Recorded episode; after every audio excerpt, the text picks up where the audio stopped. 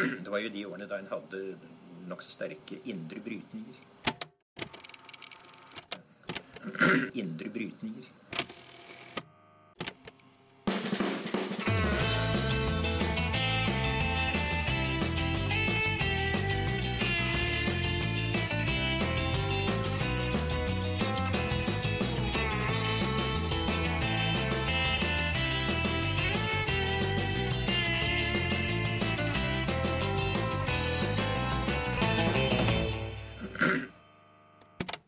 Velkommen til Noen har snakket sammen. Mitt navn er Tiril Rustan Halvorsen.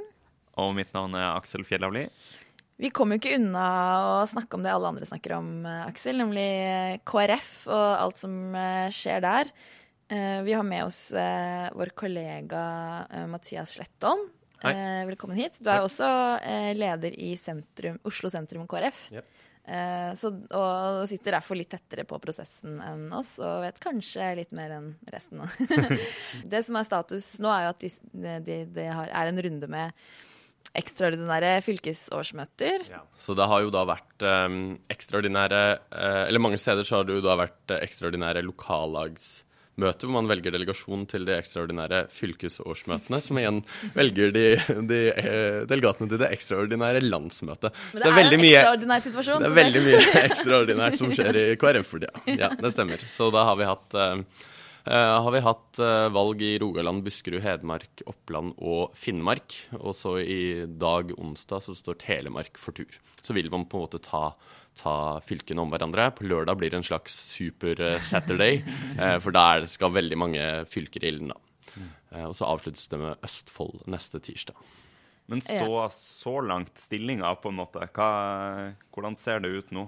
Nei, det er ganske, det er ganske jevnt, og jeg, jeg er helt enig med både Knut Arild og Kjell Ingolf og Martine Tønnesen og andre at man vet ikke det, det reelle utfallet, hvordan dette vil, eh, vil ende.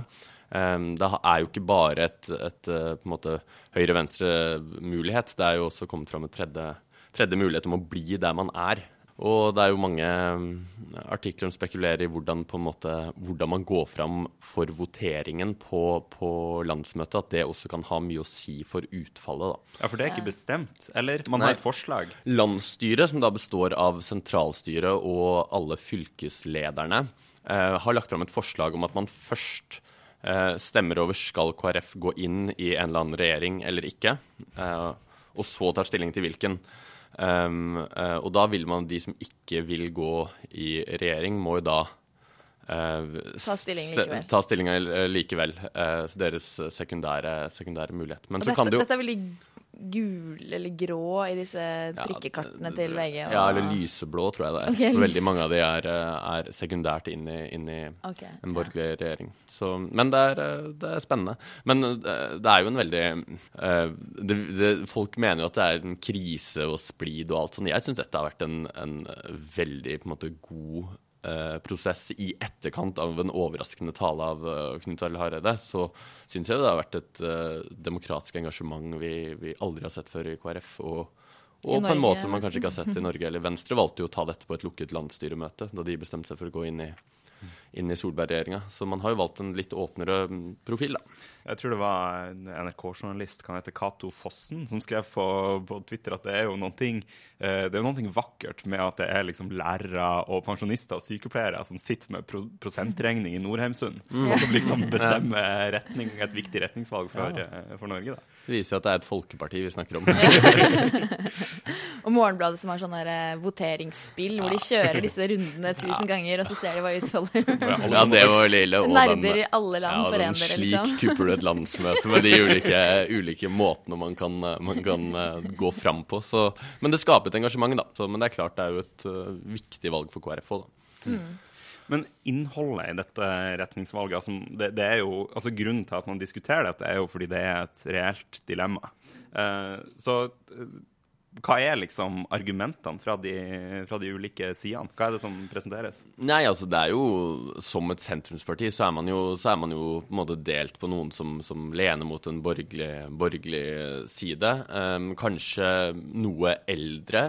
Uh, kanskje noe mer sånn um, Ja, veldig opptatt av sorteringssamfunn, Israel, KRLE.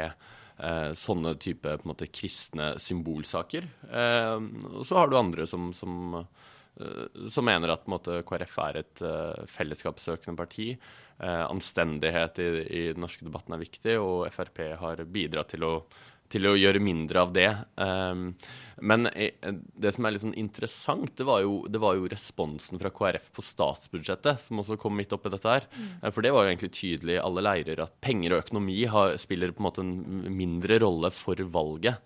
Budsjettet alle, alle var bra, var, men det spilte ikke noen rolle? Ja, det hadde på en måte ikke noe å si. så sånn sett, uh, For det vil jo mange som da tilhører den høyre siden si at man har fått masse gjennomslag. Uh, mm. Men jeg tror det er noe med, med overbygningen av hvordan samfunnssamtalen er, som egentlig er, er viktigere i denne, i denne, diskusjonen. Man kan ikke kjøpe KrF sin lojalitet, på en måte? Nei, det, det tror jeg ikke. Og så er, er, det jo, selv om mange har prøvd å blande seg inn i debatten, så tror jeg at det fort kan prelle av. Jeg tror mange KrF-ere er overraska over at Erna Solberg kommer inn og mener at dette er en fare for uh, demokratiet, og at Knut Arild Hareide driver med makt. Mm.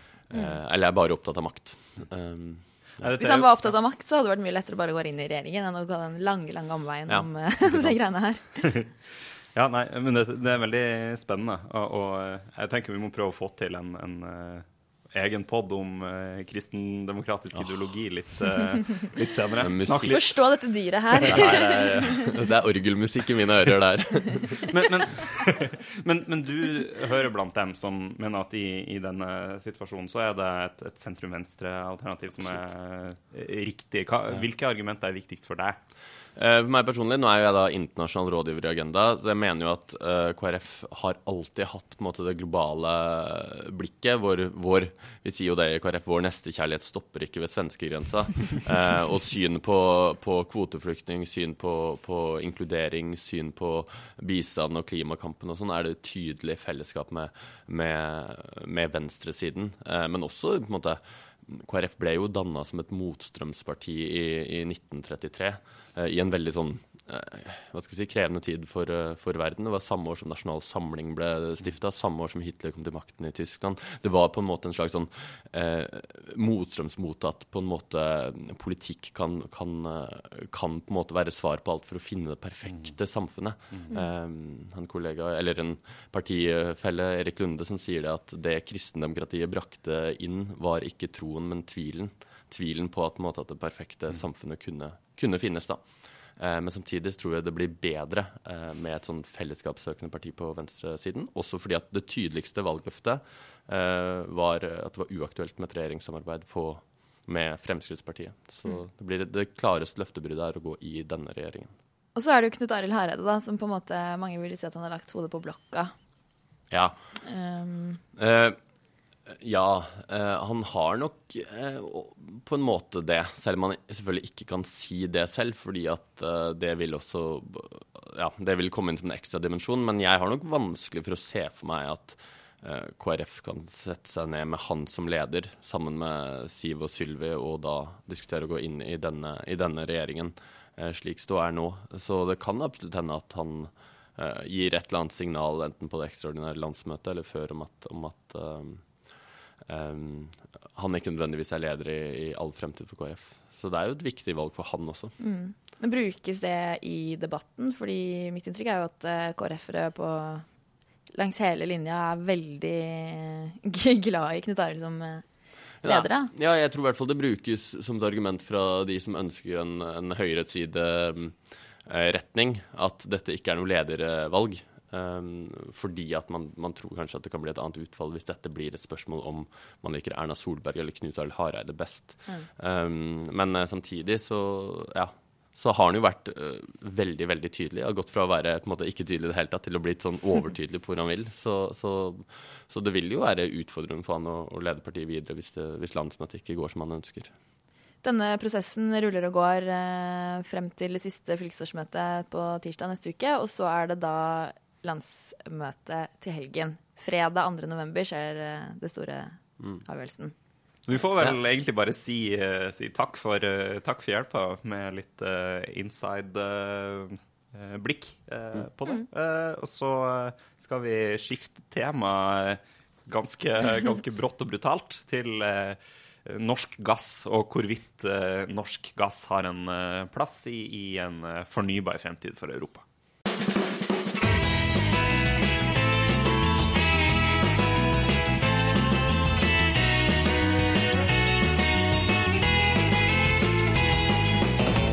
Da sitter vi her med Tord Hustveit, som har eh, akkurat kommet med bok. Eh, den heter 'Europa uten gass'. Gratulerer med det først. Jo, tusen takk. Veldig hyggelig å være her òg. Ja.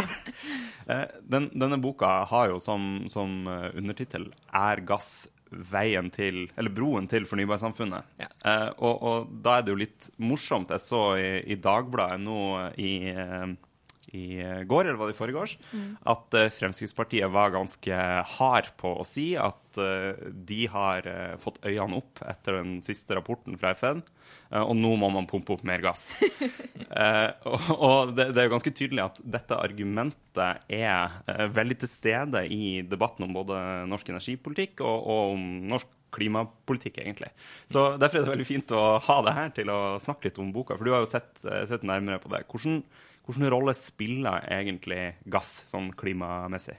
Nei, Det slipper jo ut CO2, eh, i, i, likhet med andre fossilkilder som eh, kull og olje. Eh, men til forskjell fra kull så er det en del, det en del lavere utslipp enn det eh, kull har. Så argumentet til Frp er jo egentlig at hvis vi selger mye gass til Europa, så kan de legge ned sine kullkraftverk, og så kan de gå over til gasskraftverk, og så kan de kutte eh, utslipp på den måten. Ja, Det høres jo tilforlatelig ut, da, egentlig, all den tid gass er mindre miljøskadelig enn kull. Kan man ikke bare fyre med gass i stedet, på en måte? Altså sånn, eh, jeg synes For hvert kullkraftverk som blir lagt ned, så feirer jo jeg litt. Eh, og hvis det betyr at det kommer et gasskraftverk istedenfor, så er det åpenbart eh, negativt, men det er bedre enn kull.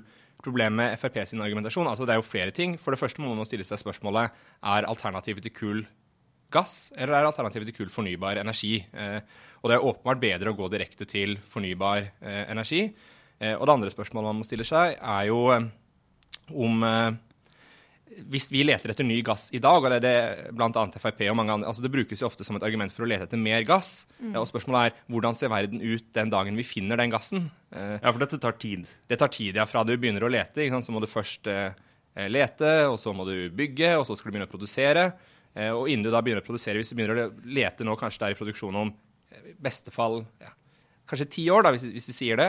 Eh, og Da er vi i 2030, og da må utslippet i Europa være så lave at da vil gass ligge over snittet for hva utslippet i kraftsektoren må være. Så da er ikke gass lenger en del av løsningen, det er en del av problemet. Så, så man, men, men, gir du de på en måte litt rett da, å si at i dag eh, spiller kanskje gass en, en viss rolle, mens lengre fram i tid, så er det mer problematisk? Eller hvordan skal man forstå Jeg vet ikke, hvis man skal ha, Det er jo kanskje et argument mot å skru av all gassproduksjon i dag.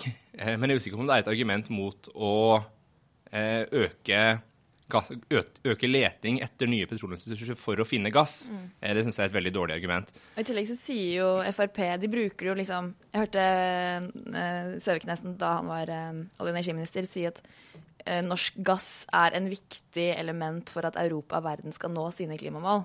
Eh, og det blir vel å dra det litt for langt. Ja, det syns jeg er å dra det langt. Og hvis du, hvis du ser på, altså, Til Parisavtalen så har alle land meldt inn hva de ønsker å gjøre for å nå holde oppvarmingen til to grader og nå under to grader. Eh, og det er veldig få land som sier at gass er en del av deres klimapolitikk. Eh, hvis det var sånn at dette var veldig viktig for verden, så ville, kanskje, så ville nok flere land lagt inn i sin klimapolitikk at gass var en del av løsningen. Det er det veldig få som gjør. Men så kan du si sånn, og det blir jo All politisk retorikk skal være veldig spissa, og du skal liksom gjøre, forenkle og sånt.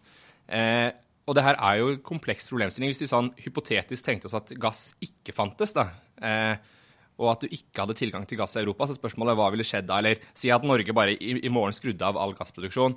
Det er åpenbart at du ville fått mer kullkraft. Det ville vært negativt for utslippet. Men da ville også Europa tenkt sånn Oi, nå har vi mindre tilgang på gass. Eh, nå må vi bygge ut fornybar energi raskere.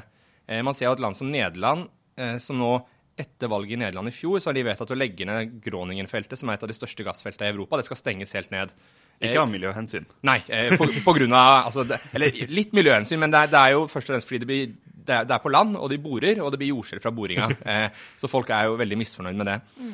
Eh, og så kan man spørre seg selv, og, her, og, og, da kan man spørre seg selv, betyr det da at de importerer mer norsk gass? Det skulle man jo tro, og, og det snakker man jo ofte om i Norge, at eh, produksjonen av gass i Europa er fallende. Derfor vil de trenge mer norsk gass.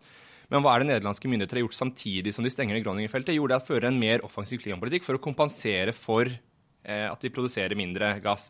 Så, så det er komplekst. Det er, ikke, det er ikke så lett som å si at litt mer gass betyr mindre kull. Det betyr også mindre fornybar energi. Og så kunne på en måte, hvis vi var sånn hvis vi var en sånn samf jeg studerer samfunnsøkonomi, der snakker vi om sånn samfunnsplanleggeren. da, Hvordan ville samfunnsplanleggeren sett på deg hvis han liksom, som vet alt og kan liksom, styre alt? Og hvis du, hvis du visste alt, så ville du kanskje visst da, ok, hvor mye fornybar energi forsvinner, hvor mye kull forsvinner. Eh, og da kunne du lagd et regnestykke. Det kan vi jo ikke gjøre, så det er jo usikkerhet. Og det er kanskje det jeg savner mest i norsk debatt om det her, den usikkerheten. For det er ingen selvfølge at det er sånn. Men det her er jo mye nyanser, og det forsvinner jo i en politisk debatt. Mm. Et annet på en måte premiss for de argumentene Frp gjerne kommer med, og ikke bare Frp i Norge. Dette her er, jeg vil si det her er en glad ganske- i gass. Ja, jeg vil si det her er en eh, historie som går ganske sterkt i alle norske partier. og hvis du var, Nå var ikke jeg på Arendalsuka, men siden jeg skrev gass om, eller bok om gass, så fikk jeg jo mange rapporter derfra at det var et argument som gikk inn i debatt etter debatt etter debatt. At noe av det viktigste Norge kunne gjøre, var å levere gass til Europa. Så det her er noe mange, både, næring, både i næringslivet og politikken, bruker som et argument. Ja, og et, et av premissene for det som jeg bare lurer litt på, er jo dette med hvordan man frakter denne gassen. Man har jo noen, noen rør uh, til Europa, men hvis man skal på en måte videre ut i verden, så blir det vel ikke så Ja, det her enkelt er lenger. et viktig poeng. Eh, for gass Altså, olje er veldig Olje frakter man jo med store skip, eh, og så er det et globalt marked. Så olja vi produserer her i Norge, kan egentlig ende opp hvor som helst i verden. Eh, størst, altså Over 90% av all norsk gass går i rør til Europa. Eh, og vi har ikke kapasitet til å sende det noe annet sted, så da må vi enten begynne å bygge såkalte LNG-terminaler, hvor du gjør gassen flytende, laster det på skip og frakter det til et sted hvor det er en annen LNG-terminal, hvor du varmer den opp og gjør den til gass igjen. Eh, og det tar jo tid, det er dyrt å bygge ut, eller så må vi selge til Europa. Så det gjør at eh, for olja så betyr det jo noe hva som skjer i verden som helhet, men for gassen betyr det egentlig mest hva som skjer i Europa.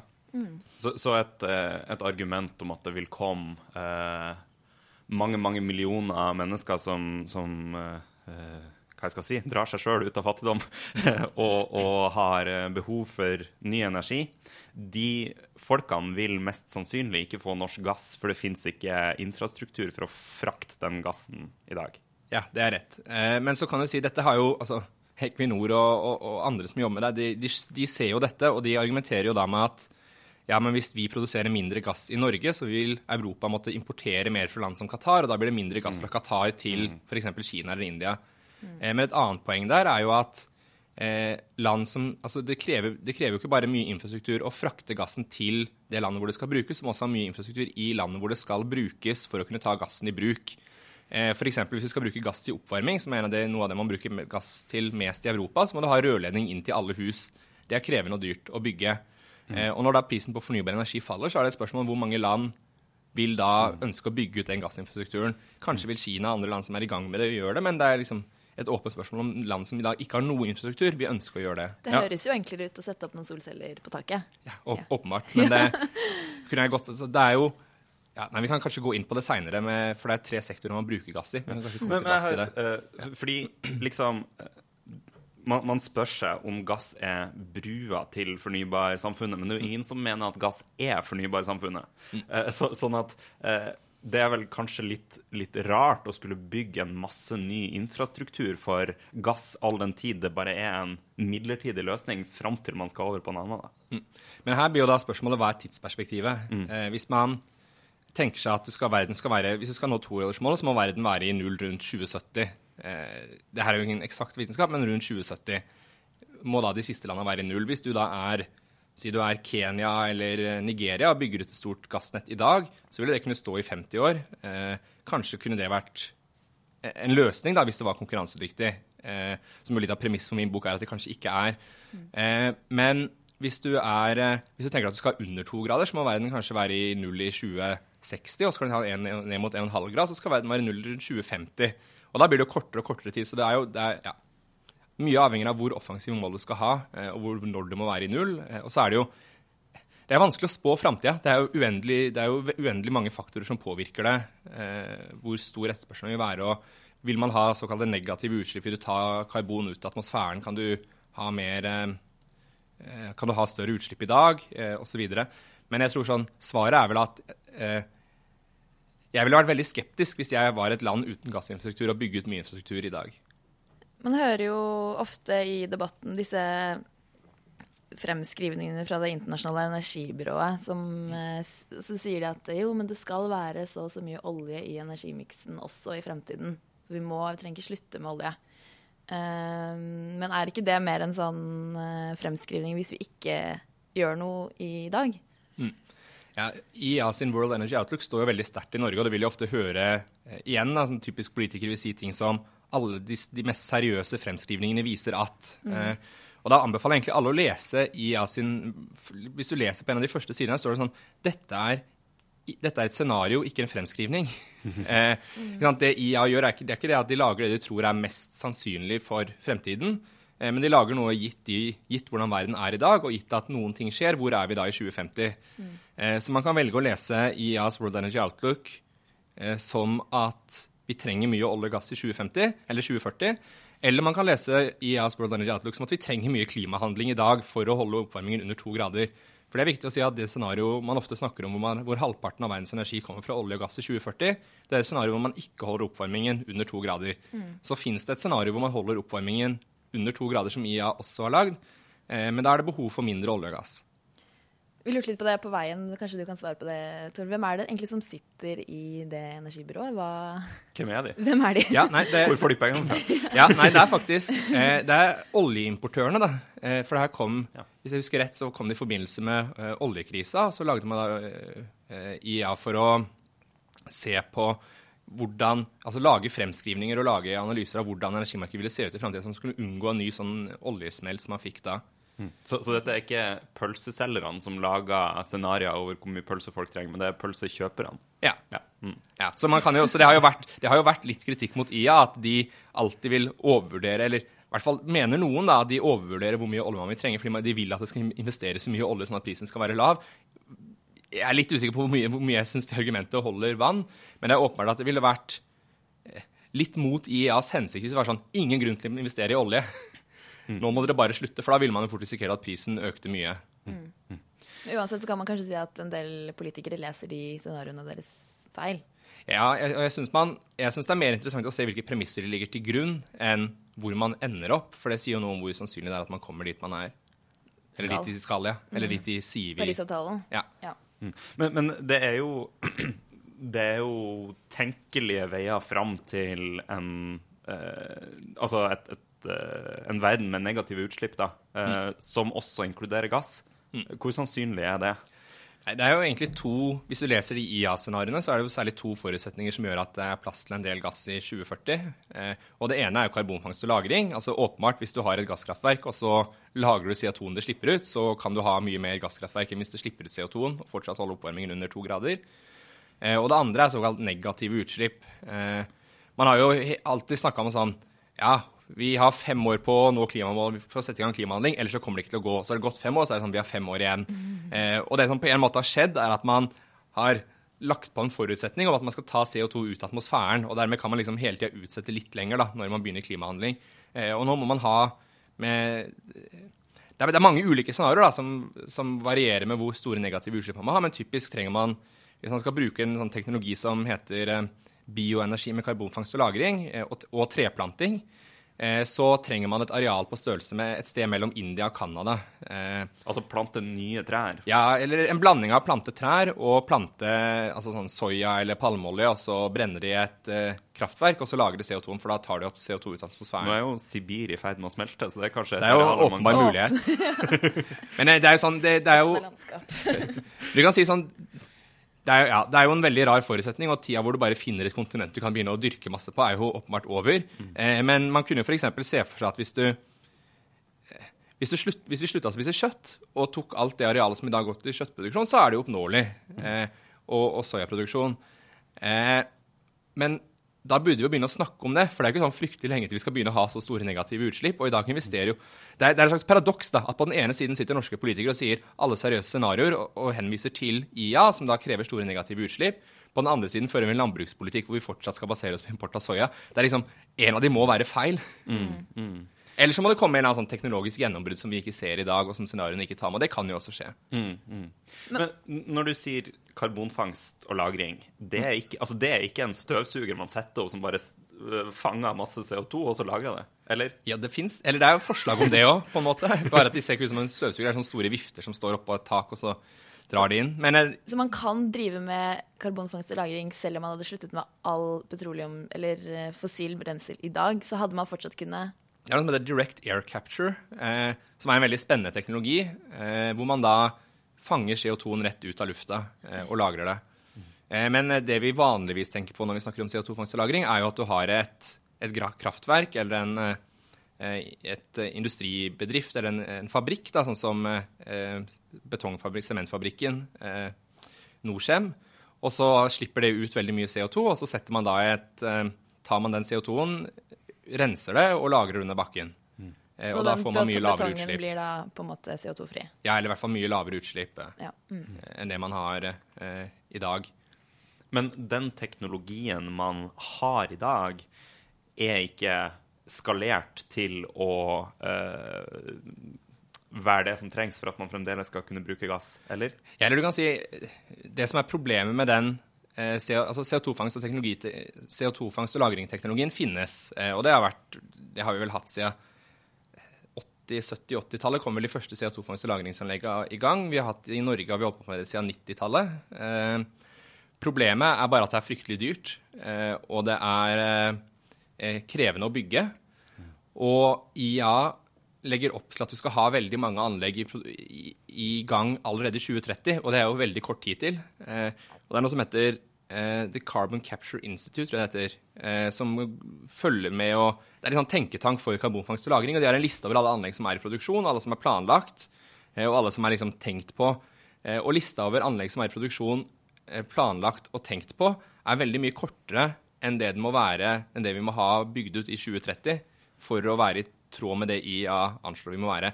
Og da er jo spørsmålet hva skal man gjøre da? Skal man gi opp, eller skal man finne andre veier? Eh, og da er det jo Dårlig nytt for gass, i hvert fall. Ja, det er dårlig nytt for gass. For en, en typisk vei for Europa vil jo da være å eh, avkarbonisere oppvarming raskere, da, sånn at du kan ha større utslipp f.eks. Fra, eh, fra andre områder.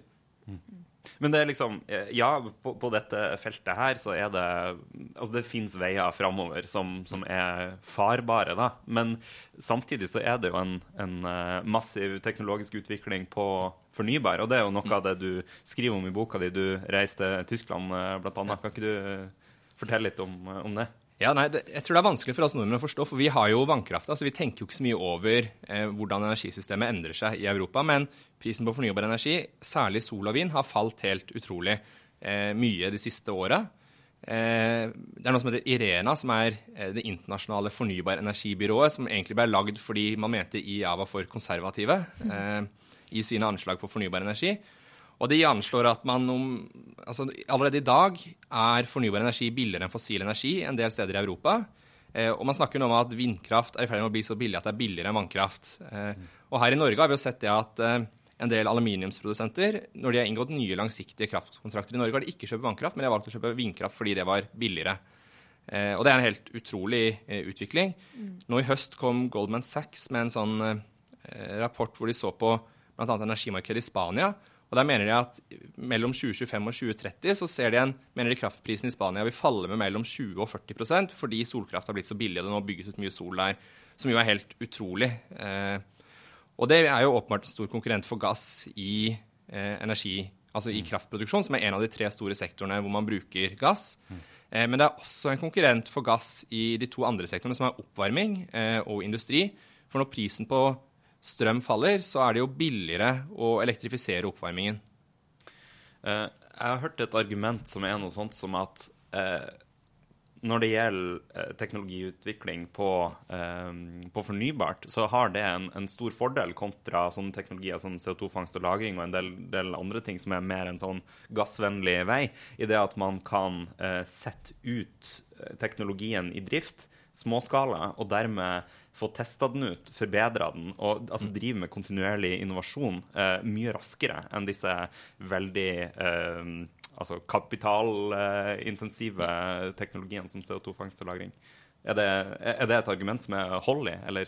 Ja, IPPC skriver bl.a. om det i sin 1,5-gradersrapport, rapport, at teknologi som er raskt eh, som er rask å rulle ut, og som kan eh, lage, produsere veldig mange ganger veldig mange enheter av, går raskere å utvikle enn sånne store industriprosjekter. Eh, og det gass er jo avhengig, da, av, eller ikke avhengig, men det er viktig for gass å få på plass CO2-fangst og -lagring.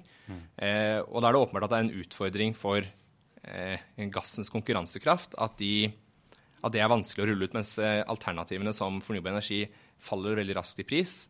Eh, og det er også noe jeg syns er veldig interessant, er at det også skjer For et, et annet argument mot fornybar energi er at det, det er begrensa hvor mye eh, variabel vind og sol du kan ha i energinettet. Men der også ser man en veldig rask teknologisk utvikling, særlig gjennom digitalisering eh, av kraftforsyningen. Ja, for, det, for, det, du sier nå, det er jo et argument som kommer fra de som mener at uh, gass er viktig som en bro til fornybarsamfunnet. Det er at uh, sola den er på når den er på, og vinden den er på når den er på. Og når det ikke er sol og når det ikke er vind, så kommer det ikke noe strøm. Mens gassen kan du bare ha i jeg vet ikke hvordan man lager det, i en tank. Og så bare kjører man på med gass når det ikke er sol og ikke er vind. Og dermed kan man ha en stabil kraftforsyning. Uh, mens det du sier nå, er at det kan komme, eller det har kommet? Det har kommet teknologi som gjør at du kan ha mye større andel eh, fornybar energi i nettet. Jeg var på en energikonferanse i Berlin eh, i forbindelse med bokskriving, og da sa direktøren av de største nettselskapene i Tyskland at de nå kunne ha 70% fornybar energi i nettet. Så da kan man se for seg når de er der i dag, hvor vil, da, hvor vil det da være i 2030? Eh, og det er, kanskje, det er særlig tre utviklingstrekk som driver det her. Det ene er digitalisering. Eh, det gjør at du har fått løsninger som at du kan du kan, du kan f.eks. lade elbilen når etterspørselen etter strøm er lav. Eh, på den måten er det med å, å spre eh, etterspørselstoppene utover dagen. Du har batterier som har falt mye i pris. Det gjør at du kan lagre solenergien og bruke den på natta. Det er åpenbart et problem med sola at det bare produserer tolv timer i døgnet.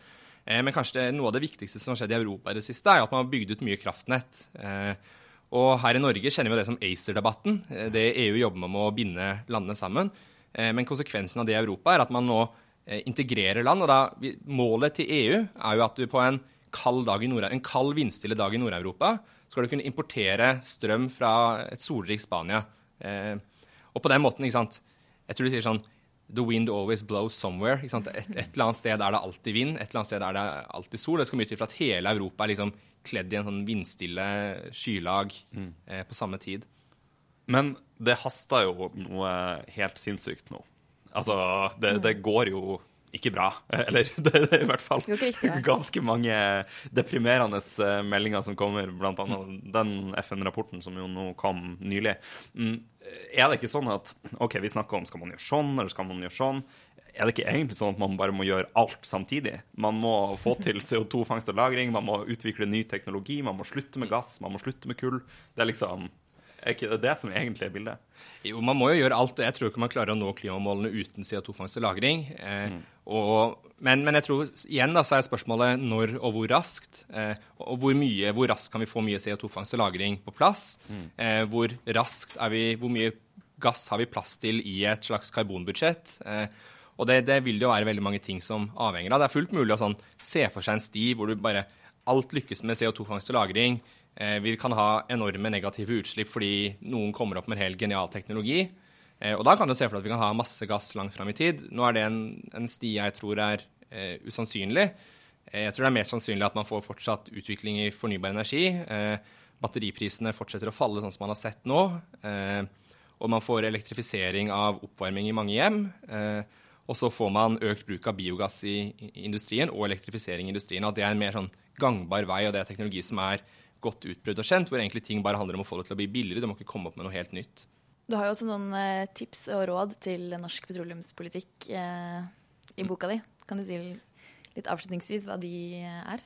Ja, Noe av det viktigste jeg tror vi må gjøre i Norge, er å erkjenne den store usikkerheten som er. Eh, og at det ikke er gitt at gass er noe bro til fornybarsamfunnet. Eh, og særlig sånn, Én ting er hva skjer om fem år, hva skjer om ti år? Da vil det åpenbart være etterspørsel etter gass eh, i Europa. Hva skjer om, om 20-30 år? Da tror jeg vi kan få et ganske annet bilde enn i dag. Eh, og Noe av det viktigste da tror jeg er å én, erkjenne at det kan skje, og to, som en konsekvens av det, redusere den risikoen vi tar som eh, samfunn. Eh, skulle, jeg liksom, skulle jeg valgt én ting, hvis, jeg, hvis, det, hvis, det, skulle det, så hadde jeg sagt vi må senke Det må bli litt Skattesystemet må bli mindre investeringsdrivende. I dag er det sånn at det lønner seg veldig Skattesystemet gjør det mer lønnsomt å investere på norsk sokkel. Det burde vi endra, så det ble mindre lønnsomt å investere på eh, norsk sokkel. Eh, I tillegg mener jeg at man bør eh, når, man ny, sånn, når man åpner et område for petroleumsletting, så er det alltid en sånn kost-nytte-analyse. Eh, hvor store negative konsekvenser har det her for, for miljøet, typisk, klima og, og, miljø, og hvor store er de positive effektene. Jeg mener man burde hatt en ny runde og spurt seg sånn når risikoen øker, hvordan endrer denne avveiningen seg? Eh, og jeg mener jo at en sånn avveining burde gjort at man ikke åpna nye områder i Barentshavet, særlig. Mm. Av naturvernhensyn, egentlig? Ja. ja. Eh, man ser Barentshavet det er eh, jeg kunne snakka lenge om naturverdier i Barentshavet, men det, er, det handler bl.a. om det er en del sjøfugl osv. som er sterkt trua på, på, fastlandet og i store deler av eh, sitt habitat, eh, bl.a. lomvi og polarlomvi, eh, som er veldig sårbare, eh, og som det er problematisk å, å drive oljevirksomhet i nærheten av. Disse, det her er sjøfuglkolonier som har kollapsa mange steder på Fastlands-Norge. og her, De er viktige for overlevelsen av arten. I tillegg, og det kommer lite fram i debatten, så er Barentshavet i endring. Det, det som kalles en Forskerne kaller det vel en atlanterhavifisering av Barentshavet. Altså at Barentshavet blir mer likt Atlanterhavet. Eh, og det gjør at vi vet jo egentlig ikke hva, hvordan de fuglene kommer til å tilpasse seg. Men det er kanskje et område som er helt likegyldig for de fuglene i dag, blir veldig viktig i framtiden. Så er det selvfølgelig mange andre dyr, dyr og, og, sånt der, men de fuglene er et veldig godt eksempel på den. Så Statoil, nei, jeg mener Equinor hadde en sånn Det var faktisk ikke meningen. Eh, en reklame med en dame som sitter liksom på et ytterst på et skjær, og så står det sånn Gass er i vinden. Og så er det masse vindmøller i bakgrunnen på den eh, reklamen. Eh, jeg tror kanskje etter å ha hørt på Tord i dag, at vi kan slå fast at det ikke er helt riktig. Det, jeg har lært veldig masse. Tusen takk for at du kom hit. Ja, og så lykke til med videre promotering av boka. Jo, tusen takk.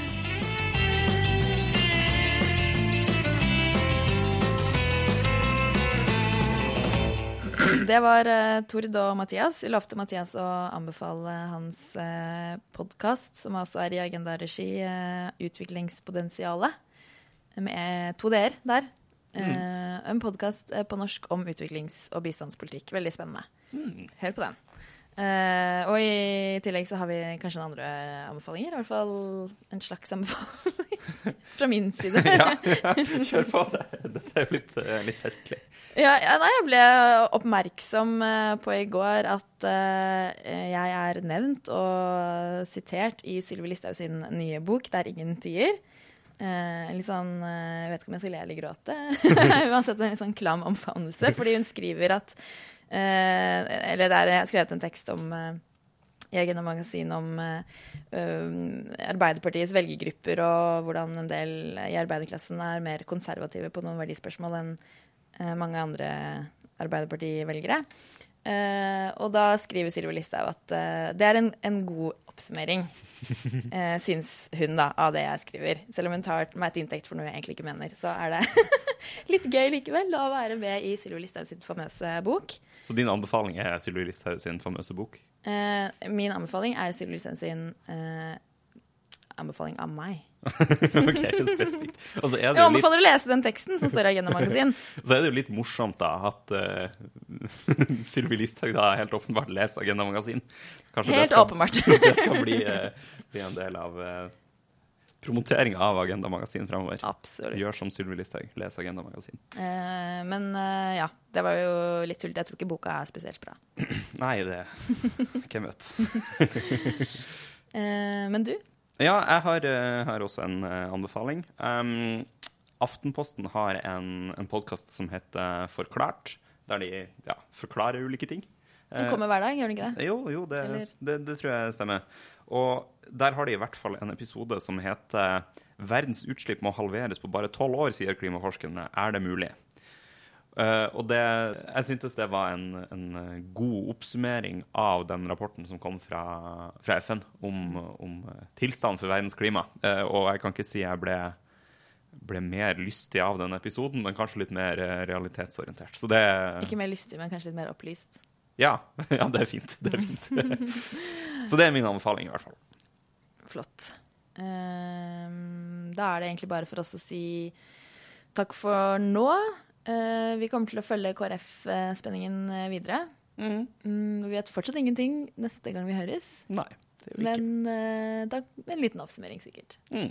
Så inntil uh, da, ha det bra. Ha det bra.